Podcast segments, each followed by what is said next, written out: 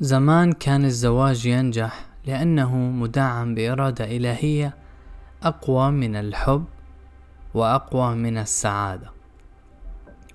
وأقوى من كل شيء وكانت الزوجة تحب زوجها طيبا وتحبه مجرما وتحبه مريضا وتحبه صحيحا.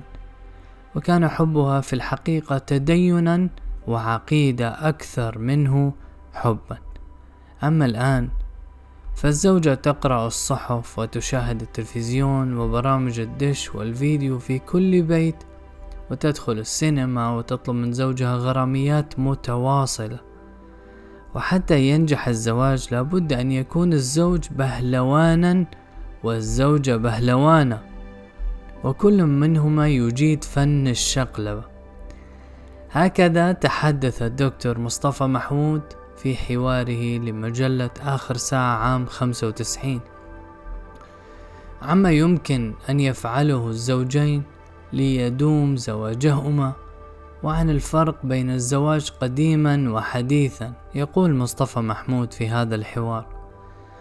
إن الزواج بشكله الحديث ألذ من الزواج في السنوات الماضية غير أن الأول متعب ومليء بالمشاكل وأنا أفضل زواجا سريعا أستريح فيه على زواج أتشألب فيه كل يوم لأحرك أعصاب زوجتي وأحافظ على حبها وأجدد شهيتها نحوي. يكمل مصطفى محمود أفضل أن تحبني زوجتي في تدين فأكون ربها ورجلها وبيتها وحياتها ويدوم حبنا. لأنه عقيدة وإيمان قبل أن يكون حبا لكن فين أيام زمان؟ كل دي أحلام. ليس أمامنا غير زغزغة زوجاتنا وتقديم المشهيات العاطفية من كل لوم لنحتفظ بهن وليحتفظن بنا. أنا محمد صباح وهذا بودكاست نحكي شوي. في هذا البودكاست راح نتناول مواضيع مهمة. جريئة أحيانا مزعجة. كل الجهود المبذولة في هذا البودكاست ما بتغنيك أو بتمنعك أنه تبحث أكثر. لا تتبنى أي آراء لا تتبنى فكري ولا كل ما أقول. خلينا نحكي شوي.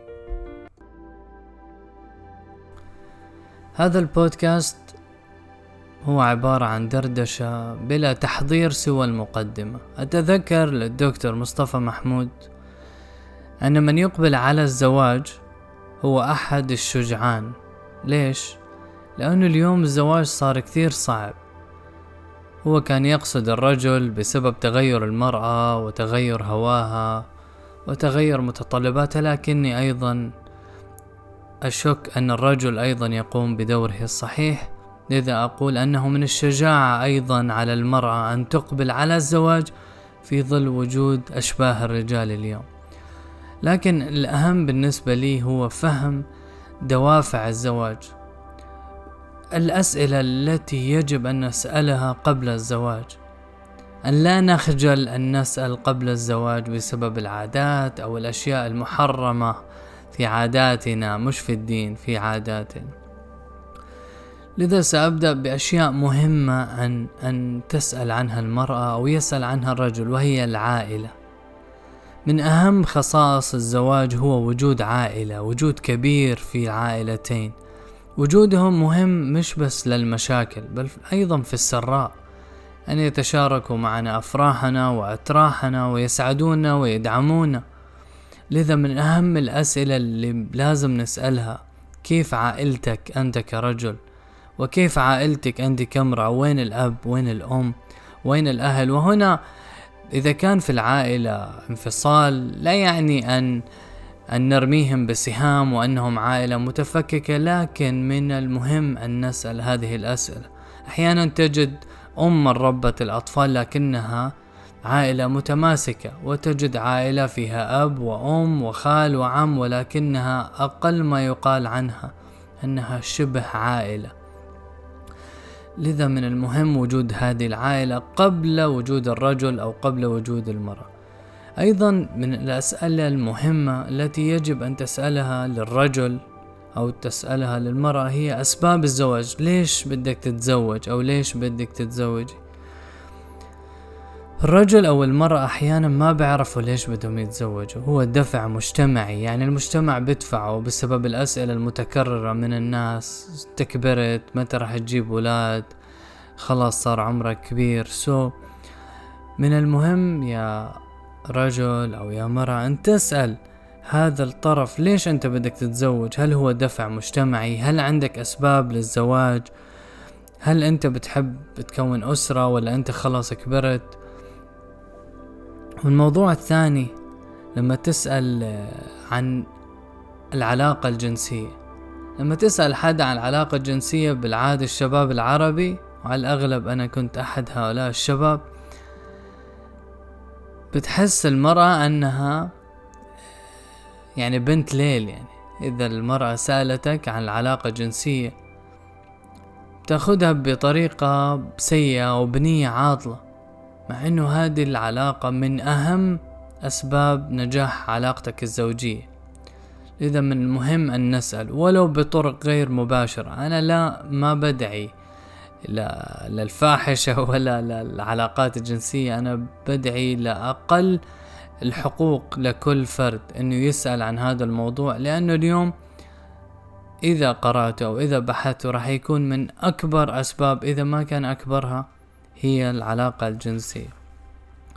المهم أن نسأل عن عن عدد الأولاد. هل أنت أو هل أنت عندك نية تجيب عدد معين من الأولاد؟ وكيف طريقة تربية هذا النشأ؟ كيف نربيهم؟ كيف كيف هي طريقة تربية أهلك أو أهلي؟ كيف طريقة الشرع في تربية هؤلاء الأطفال؟ بتذكر كنت أسمع دورة للدكتور أيمن عبد الرحيم. اسمها بيت المسلم أتوقع. كان يحكي مش من المهم إنه كل طرف يجيب لشخص هدية. والله لأنه الهدية حلوة. بل الأهم إنه نعرف هذا الشخص شو اللي بيسعده. يعني إذا زوجتك جابت لك هدية مش بالضرورة إنه أنت تجيب هدية لزوجك لتسعدها. بل الأهم إنه تعرف شو الأشياء اللي بتسعده مش المعايير اللي موجودة اليوم بمجتمعنا هي بتفرض علينا إنه إحنا والله عملنا اللي علينا وأنا سويت لك وعملت لك مش هذا المهم. المهم إنه أنت تسوي له اللي هو بحبه أو اللي هو مهتم فيه لأنه أنت بتفكر إنه أنت عملت اللي عليك أو هو بفكر إنه هو عمل اللي عليه. لما يروح على الشغل ولما يهتم ولما يجيب هدية ولكنه لا يقدر عملك ولا لا يقدر طبخك وانت هذا أكبر اهتماماتك. بالمقابلة في بنت تانية أكبر اهتماماتها إنه تجيب هدية يجيب لها هدية أو يجيب لها شيء محرز. لذلك من أهم الأشياء إنه نعرف شخصنا الثاني أو طرف المعنى الثاني شو بحب. مش المعايير الخارجية اللي بتفرض علينا معايير الانستغرام أو فيسبوك شو بتفرض علينا. ومن أك أكتر الأشياء واللي خليتها آخر شي اللي هو الدين. فينا أختصر هاي النقطة إنه لما أنت تحكي مع طرف تاني بكل بساطة لما تصير معنا مشكلة شو المرجعية؟ المرجعية هي الدين. لما تصير معنا خلاف في تربية الأولاد شو المرجعية؟ هي الدين. لما يصير عندنا مشكلة جنسية بيننا وبينك لما يصير في آه، استعمال سيء لهاي العلاقة شو هي المرجعية؟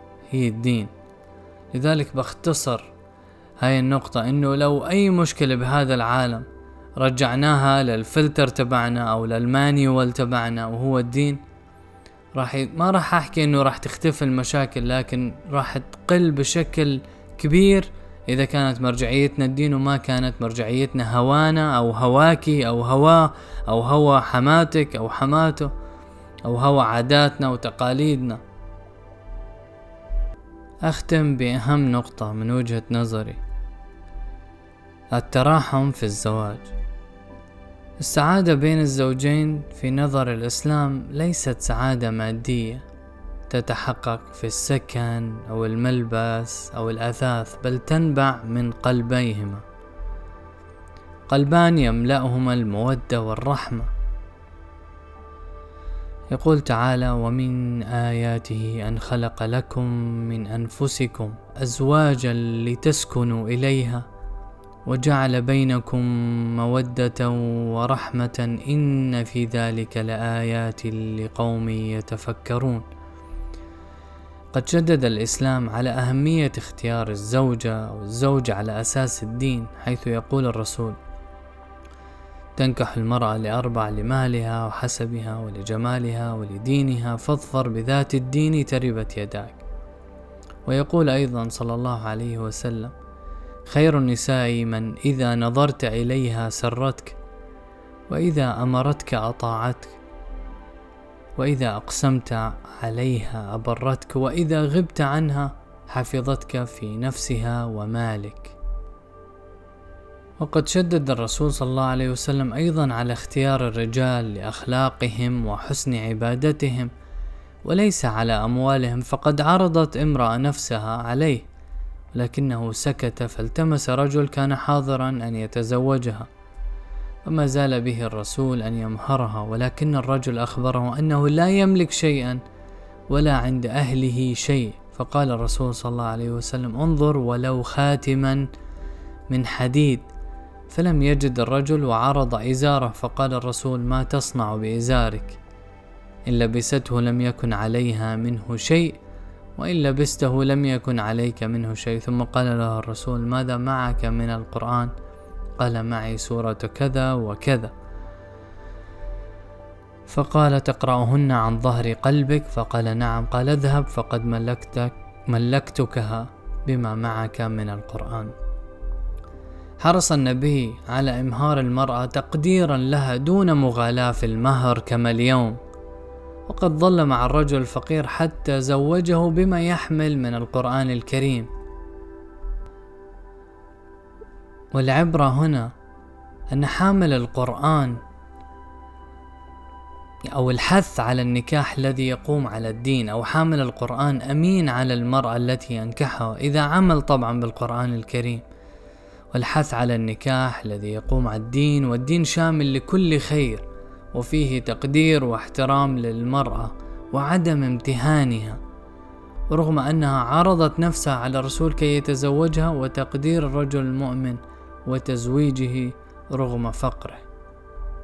الختام صدق سليمان الحكيم فإن من يرزقه الله امرأة فاضلة. فقد رزقه جميع لآلئ وماسات الأرض وأكثر. سلام.